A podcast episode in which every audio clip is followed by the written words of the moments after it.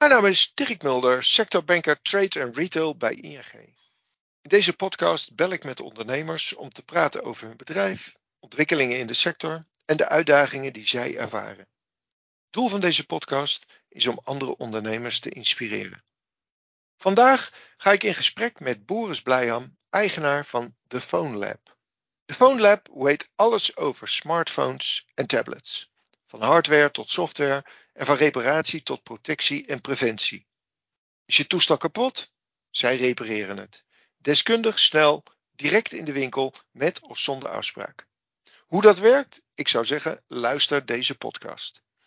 Ik praat met Boris over de huidige uitdagende markt, het managen van groei, financiële gezondheid en de duurzame uitdagingen.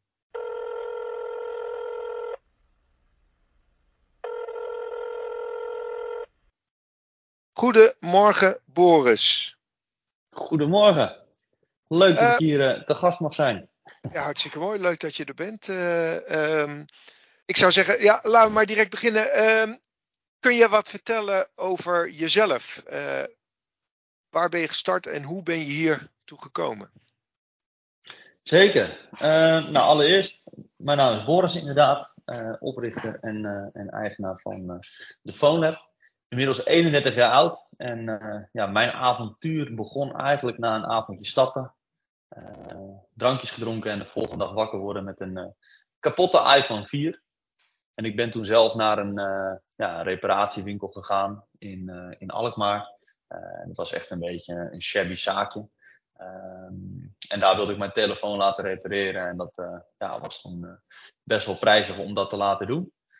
En toen raakte ik in gesprek met uh, ja, een studiegenoot en die gaf me eigenlijk aan van ja, je kunt uh, allerlei onderdelen bestellen via AliExpress. En dit was ongeveer in 2012, dus toen was dat nog helemaal niet zo uh, populair zoals dat nu is. dus ik had daar op die website gekeken en ik zag dat ze daar ook ja, gekleurde schermen verkochten. Dus ik had een ja, groene iPhone 4 scherm gekocht en een groene backcover. En ik had mijn telefoon of mijn iPhone 4 helemaal getransformeerd naar het, uh, naar het groen met een YouTube-video. En het leuke daarin eigenlijk was, is dat er heel veel mensen naar me toe kwamen uh, en die, ja, die dat zagen. Net zo'n beetje als de blauwe fietsband van uh, Swapfiets had ik een groene iPhone 4 wat niemand had en dat viel enorm op. Ehm, nou, dat werd op een gegeven moment zo'n vijf keer dat iemand aan me vroeg van, hé, hey, dat zou ik ook wel willen. Dat ik dacht van, oké, volgens mij moet ik hier iets mee gaan doen. En toen mhm. heb ik eigenlijk uh, ja, de creditcard van mijn vader uh, geplunderd om allerlei gekleurde schermpjes in te kopen. En vanuit daar uh, ja, ben ik een beetje gaan repareren vanaf mijn studentenkamer. Ehm, en uiteindelijk heb ik een ja, Groupon-actie gedaan. En we verkochten verschillende hoesjes, ook via Facebook advertising. Ehm, maar op een gegeven moment met de Groupon-actie ehm, ja, zag ik gewoon echt dat er gewoon zo'n gigantische markt was voor, voor telefoonreparaties. Uh, en dat je aan de ene kant dus echt de sketchy winkels hebt. En aan de andere kant um, ja, bijvoorbeeld de Apple Store of de Samsung Store. Wat niet echt toegankelijk is, waar je een hoge prijs betaalt voor een reparatie. Uh, en aan de andere kant is de sketchy winkel waar je ja, weinig kwaliteit krijgt voor een lage prijs. Maar dat eigenlijk niet echt iets uh, wat er tussenin zat. Ja. Zo begonnen met, ja, met de phone eigenlijk in een, ja, okay. in een notendop. En waar staan jullie nu? Momenteel hebben we bijna tien winkels. Komende vrijdag uh, gaan we open met onze tiende winkel. Uh, dat doen we met een team van 50 specialisten. En uh, ja, hebben we dus 10 winkels. En daarnaast hebben we ook nog een zakelijke afdeling waarin we veel reparaties verrichten voor zakelijke klanten, maar ook verzekeraars. En jij zegt je bent ermee begonnen, maar had jij dan een hele technische achtergrond? Of was je zelf zo, zo handig? Ehm, nou, ik was nog niet heel erg handig. Ik uh, ja, deed ook wel eens wat met, uh, met scooters en dergelijke, uh, het repareren daarvan. maar ik heb bedrijfskunde gestudeerd aan de VU in Amsterdam. En daarna ben ik nog een master gaan volgen, entrepreneurship. dat was de eerste joint degree master van de VU en de UvA. En ja, eigenlijk door, ja, door YouTube heb ik het mezelf gewoon aangeleerd om telefoons te laten repareren. Als ik uh terugkijk naar uh, die periode, was ik op zich een, uh, een handige Harry, maar wel een enigszins ongeduldige handige Harry. En uh, ja, als ik dan kijk met wat voor specialisten we nu hebben, dan zou ik mezelf zeker geen topreparateur noemen. ja. Maar toch, je hebt het van de grond gekregen. Dus, Zeker, zeker. Ja. Ja. Ehm, eh, Boris, eh, de- eh, wa- wat mij triggert, ik begrijp altijd dat die telefoons altijd heel lastig open te maken zijn. Omdat die, die, die fabrikanten het liefst die dingen helemaal vastlijmen. Dat ja, ze eigenlijk heel moeilijk gerepareerd kunnen worden. En dan is ook nog de vraag of je de juiste onderdelen kan krijgen. Hoe hebben jullie dat opgelost? Ehm, nou ja, op verschillende manieren. Dus kijk, als je bijvoorbeeld kijkt naar een, een Apple, eh, dat is inderdaad ik een goed voorbeeld eh, van een bedrijf die inderdaad het niet altijd even gemakkelijk maakt om het eh, voor de consument of voor third parties om, om hun devices te laten repareren. Ehm, maar daar hebben ze wel een duidelijke visie op en dat is dat ze natuurlijk ook echt de kwaliteit van een iPhone van 1500 euro natuurlijk willen waarborgen. En daardoor hebben ze wel wat dingen bedacht om daar ook om, het, om die kwaliteit te kunnen waarborgen. Maar wij zijn bijvoorbeeld zelf uh, independent repair provider voor Apple. Wat inhoudt dat wij onderdelen bij hen mogen inkopen en, software, of, en toegang krijgen tot hun software. en dat is iets wat we een aantal jaar geleden ja, waarvoor hebben gekozen en waarvoor, waar we ons voor hebben aangemeld. En dan ga je door een zware selectieprocedure om daar ook aanspraak op te kunnen maken. Dus zo uh, hebben we wel een beetje het risico ingeperkt. Maar anderzijds wilden we ook wel heel graag met compatible onderdelen blijven werken. Omdat dat een, ja, eigenlijk een veel betere, je kunt een veel betere prijs voor de consument bieden. Dus ja, als je kijkt naar Apple, terugkomend op je vraag. um, proberen we dus wel inderdaad toch de connectie ook met hen te houden om ervoor te zorgen dat we up-to-date blijven van uh, de laatste ontwikkelingen. Maar zijn we zelf ook altijd gewoon bezig om te kijken van ja, hoe kunnen we reparaties toch goed blijven uitvoeren. en ja, zijn onze mensen daar altijd wel mee bezig. Ja. Um, en zo zijn we bijvoorbeeld ook voor een OnePlus en een Oppo zijn we ook weer een geautoriseerd partner.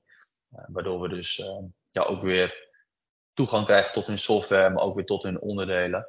Um, ja, dus dat uh, is eigenlijk hoe we daar een beetje op in proberen te spelen. Ja. Nou gaan wij het uh, in dit gesprek voornamelijk hebben over uh, financiële gezondheid. allereerst ben ik als benieuwd, hè, de afgelopen tijd, we hebben corona gehad, winkels dicht. nu hebben we toch een, een, een tijd waarin die consument toch best wel terughoudend is. Hoe hebben jullie je in die tijd gehouden? En ja, hoe heb, hoe heb je, nou ja, hoe, heb je, hoe ben je financieel gezond gebleven?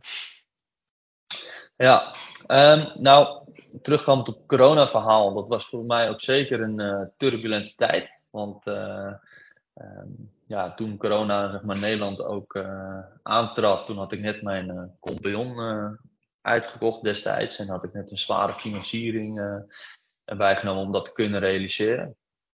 dus dat was zeker spannend uiteindelijk hadden wij wel het geluk dat wij als reparatiepartij van communicatieapparatuur, dat wij open mochten blijven, in tegenstelling tot vele winkels, omdat het toch een soort van vitaal beroep is in die zin. Mm-hmm. Um, en ja, wij hebben toen in dat jaar best nog wel een mooie groei kunnen realiseren. Um, maar wij zien inderdaad de afgelopen, het afgelopen jaar ook zeker dat de, de markt aan het veranderen is. Uh, en dat ja, mensen toch uh, bewuster zijn met hetgeen wat ze doen. Um, vooraf zeiden wij ook alweer van ja, oké, okay, als, uh, als de inflatie zo hoog is en mensen hebben minder te besteden, zou je zeggen dat mensen eerder gaan repareren dan dat ze een nieuwe gaan kopen. Uh, dus dus we, we, dachten ook weer van nou, dat zou in ons voordeel kunnen gaan werken, maar we zien toch ook wel weer dat, uh, ja, dat mensen langer blijven rondlopen met hun device en inderdaad dus minder snel een nieuwe kopen, maar wel ook vaker naar refurbished uitwijken. Dus er zijn allerlei dingen inderdaad gaande. Maar we zien wel dat, ja, dat de vraag wel enigszins afneemt. En dat zie je ook wel weer terug aan ja, faillissementen binnen onze markt. Dus afgelopen jaar zijn er wat concurrenten failliet gegaan. Omdat die het ook gewoon ja, erg zwaar hebben gehad, omdat de vraag in die zin afneemt. Maar jij zegt, hè, je had net je partner uitgekocht. Dus je, je had denk ik een forse lening op de balans staan. En dan toch krijg je ja. die onzekere tijden. Hoe, hoe kom je daar dan doorheen? Uh, nou, best wel gewoon bewuste keuze gemaakt. Oké, okay, wat gaan we dan wel doen en wat gaan we niet doen? Uh, op het gebied van En dan vooral ook kijken naar je back-office kosten. Dus inderdaad gewoon kijken naar je marketing bijvoorbeeld. Uh, ja, toch kijken van oké, wat draagt nou echt bij? Wat, draagt, wat is nou zeg maar nice to have en wat is nou echt een must have? Uh, dus daar keuzes in maken. Uh, ja, en, en toch er ook gewoon ja, open blijven met je winkels. En toch gaan kijken hoe je, dat, ja, hoe je toch nog bepaalde omzetstromen kunt gaan binnenhalen. en ook in die tijd bijvoorbeeld een, ja, een, een pop-up gestart in combinatie met een autowasstraat. Uh, waarin we mensen vanuit hun veilige domein toch konden helpen. Uh, ja, dat zijn allemaal dingetjes die toch weer wat innovatief, innovativiteit met zich meebrengt. Om ervoor te zorgen dat je wel weer ja, omzetten kunt binnenhalen. En uh, ja, dat je niet bij de pakken neer gaat zitten. De markt is onderhevig aan forse veranderingen.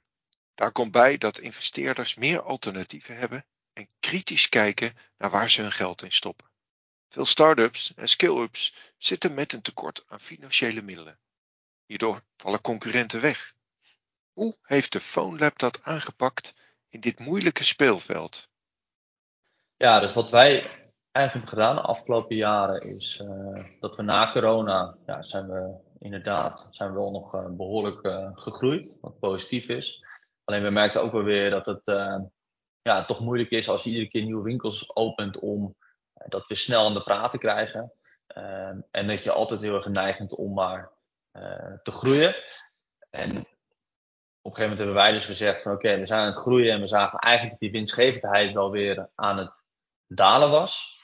Um, en dat de kosten gewoon weer ja, erg onder druk stonden. En toen hebben wij eigenlijk met elkaar afgesproken van oké, weet je wat we gaan doen? We gaan gewoon een jaar lang werken aan ons fundament. Uh, en gewoon het bestaande optimaliseren. En dat verbeteren. En dat zijn we gewoon een jaar gaan doen met het team. Dus even geen winkels openen, maar gewoon echt werken aan het fundament. Dus een stapje terug om eigenlijk weer vooruit te kunnen. En dat heeft erin geresulteerd dat we vorig jaar dus een, uh, ja, gewoon een heel goed winstgevend jaar achter de rug hebben gehad. En dat we ja, dit jaar ook uh, ja, met de bank in gesprek konden gaan. Wat dus in dit geval ook ING is geweest. Uh, waarin we dus een ja, mooie bankfinanciering hebben kunnen ophalen. waarmee we dus dit jaar weer kunnen, ja, konden groeien. Ja, want als, je, als jullie een vestiging opent, is die dan direct winstgevend of heb je toch een aanloopperiode nodig?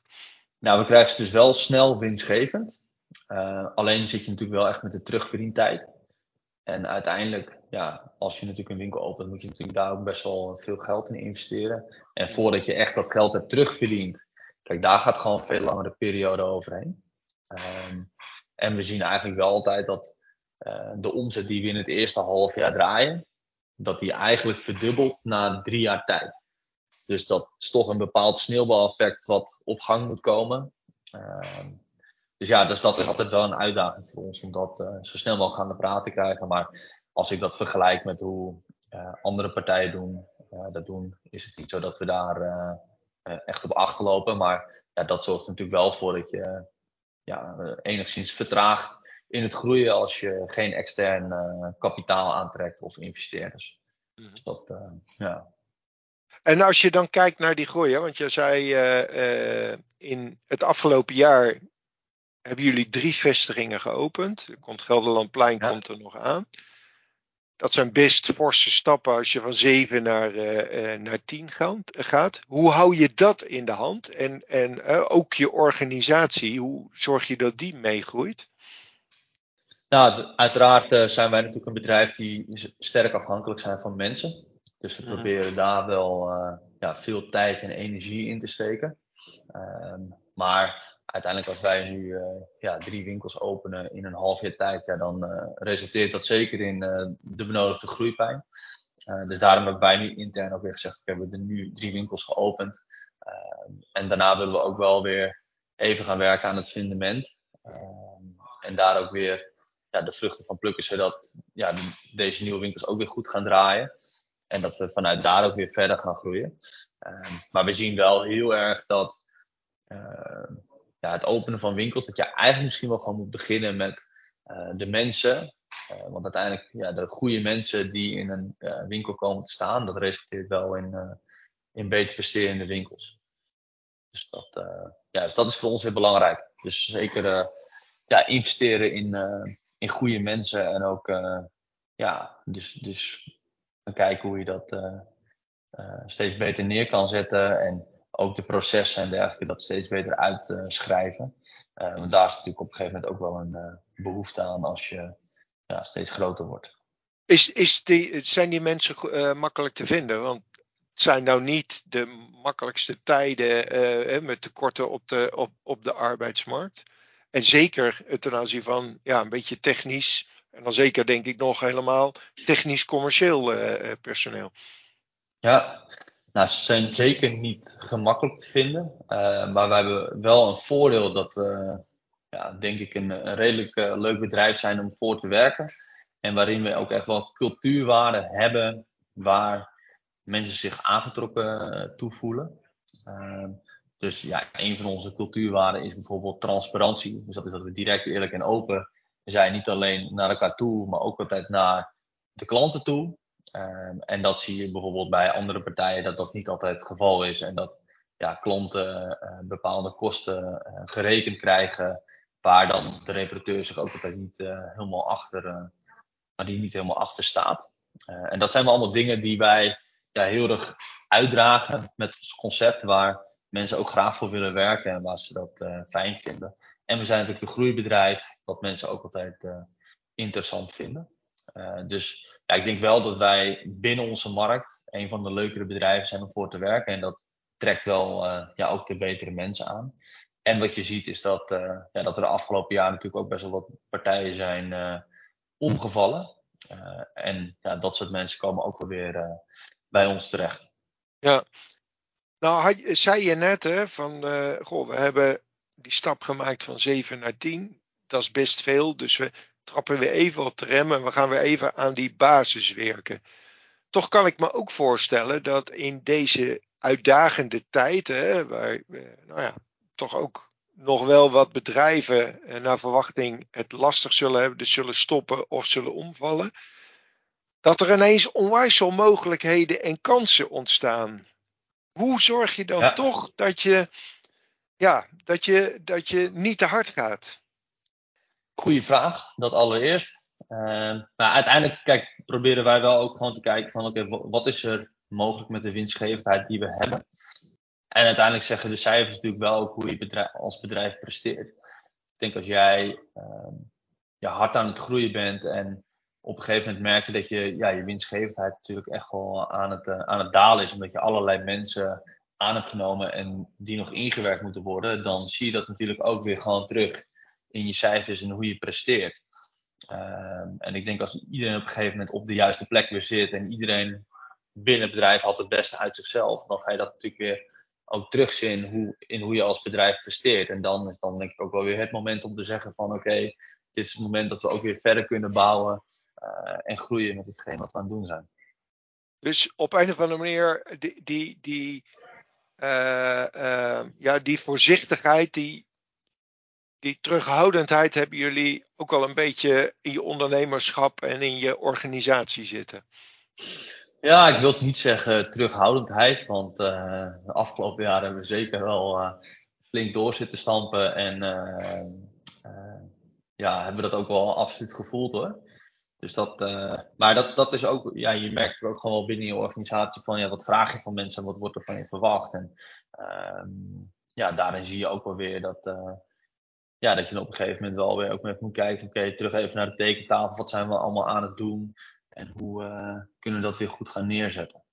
Ja. En dat, dat heb ik zelf ook wel vaak gezien bij ja, vele andere bedrijven die wel echt heel hard zijn gegroeid. Dat dat ook wel vaak gewoon echt kan klappen. En ik denk de bedrijven die het uh, ja, echt succesvol doen, die alsnog heel hard groeien, dat dat wel altijd heel ja, dat dat per definitie wel winstgevende bedrijven zijn. Ik bedoel, als je kijkt naar, bijvoorbeeld naar een, een Molly of zo, ja, die zijn ook altijd super winstgevend geweest. En die hadden op een gegeven moment het fundament zo sterk staan. Uh, dat ze goed aan de onderhandelingstafel zaten met, uh, met investeerders. En toen hebben ze er eigenlijk wel voor gekozen om, uh, om alsnog kapitaal aan te trekken.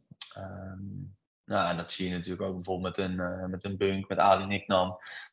ook altijd winstgevend geweest. En op een gegeven moment als het fundament goed staat, echt doorstoten. En dat is iets wel waar ik me altijd wel een beetje aan, ja, vast probeert te houden. en ik denk dat je dat ook nu zeker ziet in deze periode, dat er veel bedrijven zijn die toch in zekere zin aan het infuus hebben gehangen. en die eigenlijk nu weer een soort van nieuwe geldronde moeten doen. Maar ja, dat je dan toch ook wel een beetje ja, vast komt te zitten. en dat je dan ja, je, aandelen moet gaan verkopen voor uh, een veel lagere waardering.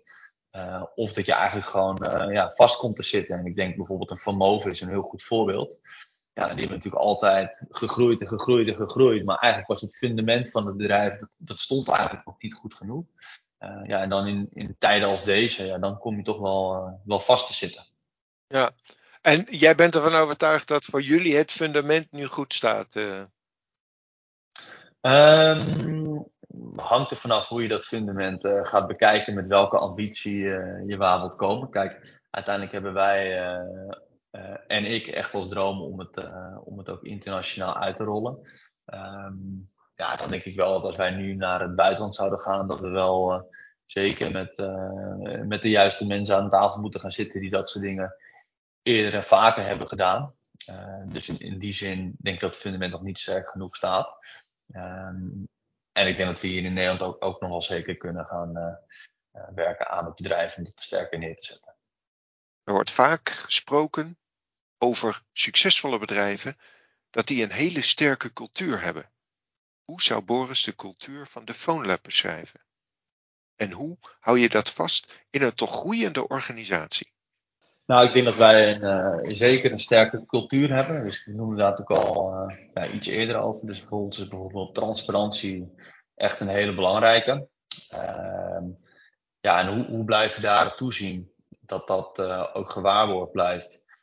is toch ja, vaak ook natuurlijk simpel gezegd dat ze dingen blijven benoemen. Ehm, en dat gaat van A tot Z. Dus oké, als je een sollicitatiegesprek met iemand voert, dat je eigenlijk al die cultuurwaarden weer door laat schemeren. Dat je in je vacature al naar voren laat komen. Uh, maar ook in je communicatie, uh, op je website, uh, intern. Ehm, ja, eigenlijk daar continu aan vast blijft pinnen. En daar natuurlijk ook gewoon simpel gezegd ja, keuzes op maken. Ehm, dus inderdaad, bijvoorbeeld bij ons ja, transparantie. Dat je zegt van ja, als wij uh, mensen binnenkrijgen voor, uh, voor het verwijderen van hun stof uit een oplaadpoort, bewijs van. Dat we daar uh, geen geld voor gaan rekenen en dat we gewoon transparant vertellen over hoe we daarmee te werk gaan. En dat we dan uiteindelijk in de long run daar weer klanten voor terugkrijgen. Dus het gevoel dat ze bij een betrouwbare partij terechtkomen. Ja, nou heb je daar misschien al deels antwoord op gegeven, maar hè, jullie groeien, jullie zijn succesvol. Hoe zorg je dat dat succes blijvend is? Wat voor ons super belangrijk is, is dat we zeker altijd gewoon uh, ja, echt blijven investeren in onze mensen en daar ook echt naar blijven luisteren. Uh, dus wat ik zelf ook heb geleerd in de afgelopen jaren, is dat uh, we zeker ook wel periodes hebben gehad waarin we bijvoorbeeld minder echt op de werkvloer waren. maar ik denk juist als retailer of als dienstverlenende partij in ons geval, dat je altijd moet beseffen dat het gebeurt op de werkvloer en niet op een kantoor. Uh, dus dat ook de mensen van kantoor juist vaak op de werkvloer zijn om te zien en te ervaren wat daar gebeurt. Uh, en dat is voor mij ook dit jaar bijvoorbeeld bij een les geweest. Ik denk van ja, ik moet uh, veel op die werkvloer ook zijn en blijven en praten met de mensen om ook echt te zien wat daar gebeurt. en ik denk dat dat ook weer je innovatiebron is om nieuwe dingen te bedenken en andere strategieën naar voren te brengen. Dus ik denk dat dat een, uh, een belangrijk onderdeel is. En ja, waar wij altijd wel gewoon veel in investeren, is ook in, uh, in ons merk en in onze marketing. Uh, en ik denk dat dat er uiteindelijk ook weer resulteert dat, um, ja, dat je merkvoorkeur krijgt en dat ja, mensen ook bij je terug blijven komen. En ja, dat je in tijden als deze, dat dat toch het verschil maakt ten opzichte van andere concurrenten. Ja, maar. Dus, ja, mensen, marketing. Ja, nou, zeg je, dat zijn best wel forse investeringen. Hoe zorg je dat je dat in de hand houdt? Welke investeringen bedoel je dan? Dus nou ja, je zegt vanuit... investeren in je mensen, investeren in uh, uh, uh, innovatie, innove investeren in, in marketing. Ja, ook daarin zul je natuurlijk een balans moeten vinden in je groeimodel, neem ik aan. Ja, ja zeker. Nee, dus kijk, uiteindelijk als je kijkt naar mensen, denk ik dat als je realiseert wat het kost om een uh, verkeerd persoon aan te nemen die bij wijze van na een half jaar weggaat, waarin je ook nog iemand daarnaast hebt gezet die diegene drie maanden aan het inwerken is, ja, dan kost dat natuurlijk gigantisch veel geld. Dus mm. uiteindelijk als jij de juiste mensen aantrekt en zorgt dat mensen lang bij je blijven werken, dan gaat je dat natuurlijk alleen maar terugkomen. Ja. Dus, en ik denk dat datzelfde geldt voor marketing. Als je altijd consistent blijft investeren in je merk en aan je zichtbaarheid, dat dat juist ook in, in zwaardere tijden, dat, dat je dat alleen maar terugkomt. Ja. Um, dus ik geloof in die zin wel in zekere zin in de consistentie ook van uh, dat soort uh, dingen. Van dat soort dingen en dan binnen het kader van je mogelijkheden. Uh. Ja. Duurzaamheid, hoe belangrijk is dat voor jullie organisatie? Ja, kijk, wij zijn natuurlijk als telefoonreparateur een behoorlijk duurzaam bedrijf. -hmm. Dus we repareren ja, tegenwoordig zo'n 5 tot 1000 telefoons per jaar.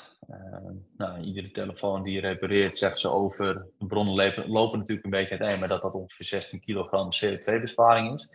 Mm. Dus in die zin ja, zijn we zeker duurzaam bezig. Ehm, ik ben zelf altijd alleen niet zo'n voorstander om daar heel erg mee te koop te lopen. Ook omdat je natuurlijk ja, toch wel gewoon veel ziet of bedrijven die aan, uh, aan greenwashing doen.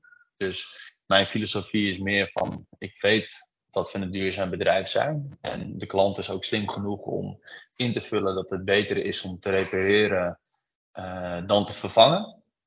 Dus het is, iets niet, het is niet iets wat wij heel erg uitdragen, maar wat we, wat we zeker zijn. En ja, we gaan er ook uh, ja, bewust mee om om daar uh, ook keuzes in te maken. Dus eh, we, zijn, eh, ja, we zijn bezig om te kijken van oké, eh, welke onderdelen kunnen we allemaal recyclen? Hoe zijn we dat aan het doen? Dus bijvoorbeeld al onze schermen, dat is iets wat wij zelf laten refurbishen. dus bijvoorbeeld als jouw scherm stuk gaat, dan is het beeldscherm vaak nog goed werkend. dus die voorzien wij weer van een nieuwe glasplaat. en zo ja, komen wij ook weer aan onze nieuwe schermen. Uh, onze batterijen laten we ja, verwerken door het Stibad. Maar we hebben ook bijvoorbeeld van collecte dingen waarin, we, waarin klanten hun oude device kunnen achterlaten, wat vervolgens weer naar goede doelen gaat. hebben we voor onze accessoires weer gerecycled karton. Dus ja, daar zijn we zeker mee bezig om, ehm, ja, om daar ook verbeteringen in door te brengen. Alleen, ja, nogmaals ben ik altijd wel voorzichtig met hetgeen wat we communiceren. Ehm, omdat ik ook wel vaak vind dat ja, als je die keten helemaal gaat ontleden, dan, uh, ja, dan zie je ook, vind ik nog wel dingen gebeuren waarvan ik dan denk van ja, is dat nou echt zo heel erg duurzaam? Uh, Dus kijk, als je kijkt wat er bijvoorbeeld, hoe zeg maar de arbeidsomstandigheden in, uh, in China zijn, ehm, waar veel van onze producten vandaan komen. Ja, ik vind, ik vind het dan een beetje tegen om hier te zeggen van we zijn super duurzaam. Terwijl als je daar dan de, uh, de werkcondities ziet, ja, dan uh, vind ik dat daar nog wel wat aan verbeterd kan worden. En uh, is het helaas nog niet zo dat wij nu de grootte hebben om, om daar ook heel erg verandering in te brengen. Dus daarom ben ik altijd wel voorzichtig mee om daar ook mee te communiceren. En uiteindelijk ja, moet je natuurlijk ergens beginnen om, om ook veranderingen te kunnen brengen. Dus ja, we zijn er zeker goed mee bezig om dat te verbeteren. Je verhaal is duidelijk. Je, je, je bent ook actief bezig om zeg maar die circulariteit eh, van, van die telefoons om dat uh, ja, toe te passen. Merk je nou dat, dat de, acties die je onderneemt een stijging van je kosten tot gevolg hebben? Dat valt nog op zich wel mee, dat dat heel veel extra kostig met zich meebrengt.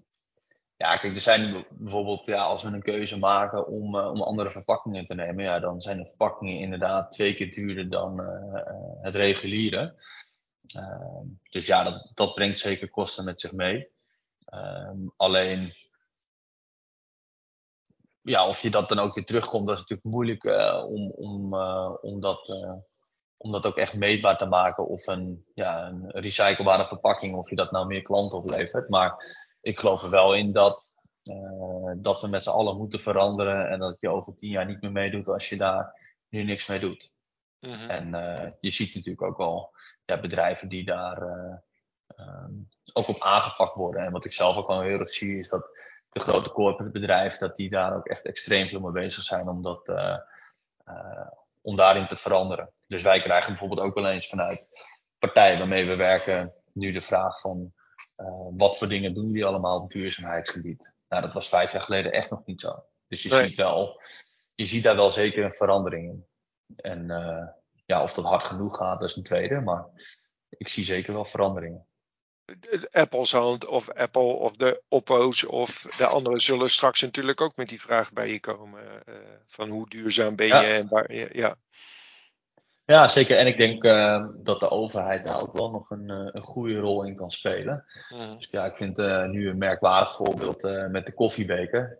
ja, de eerste keer dat ik daar extra 10 cent voor moest afrekenen, dacht ik ook van wat is dit nou weer? Maar aan de andere kant denk ik ook weer van ja, dit is iets wat wat even in het systeem moet komen. En ja, over twee jaar is het de normaalste zaak van de wereld. En ja. uh, dan hoor je er niemand meer over. Dus ik denk wel goed dat, ja, dat het goed is om dat soort dingen te stimuleren. En ja, ja hetzelfde geldt bijvoorbeeld voor uh, statiegeld op blikjes. Ja, dat is in het begin ook eventjes uh, vervelend. En ja, de apparatuur om die blikjes in te nemen werkt misschien ook nog niet altijd even goed. Maar ja, als je wilt veranderen, dan moet je op een gegeven moment ook knopen doorhakken en gewoon dingen doen. En ja, gaat dat verbeteringen met zich meebrengen. Dus daar sta ik wel achter.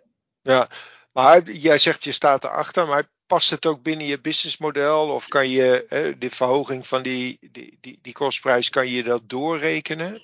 Um, met, met andere woorden, ja, hoe draag je dat als organisatie? Uh? Ja, kijk, dus, dus hetgeen wat wij doen is natuurlijk beter dan het kopen van ja. een, een nieuw device. Dus bijvoorbeeld een voorbeeld in Oostenrijk, wat ze daar hebben gedaan, is dat ze zeiden van. Um, um, als jij je telefoon laat repareren, dan krijg je een subsidie bijvoorbeeld van, uh, van de overheid. Uh, en dat is daar echt een super groot succes geworden.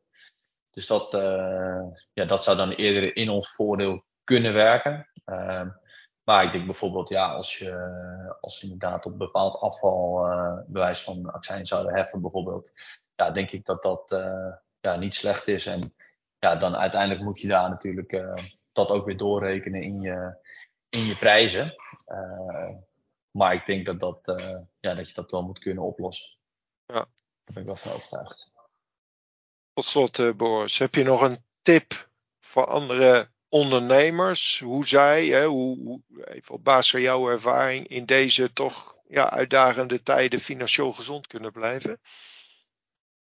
Ja, dus ik denk uh, dat het goed is om je soms te realiseren dat um, groeien om het groeien, dat dat niet altijd, uh, ja, dat dat ook niet altijd de uitgangspositie is. En dat het soms juist heel goed kan zijn om, uh, om een stapje terug te zetten um, en gewoon echt focus te houden op hetgeen wat belangrijk is. Dus vorig jaar heb ik ja, met een, een coach gesproken en ik ben met name ook behoorlijk opportunistisch en pragmatisch.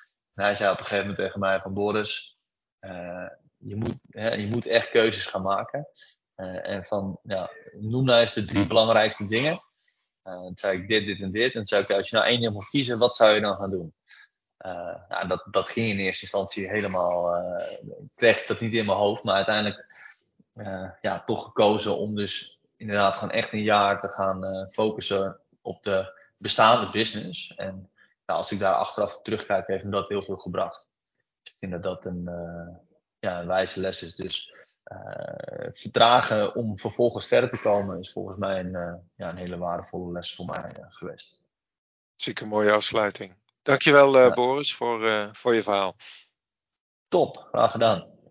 Deze podcast maakt onderdeel uit van een serie gesprekken met ondernemers uit de sector trade en retail. Meer podcasts en informatie over de sector vind je op ing.nl. Wil je nou zelf een keer meedoen aan een podcast? Mail me dan op dirk.mulder.ing.com.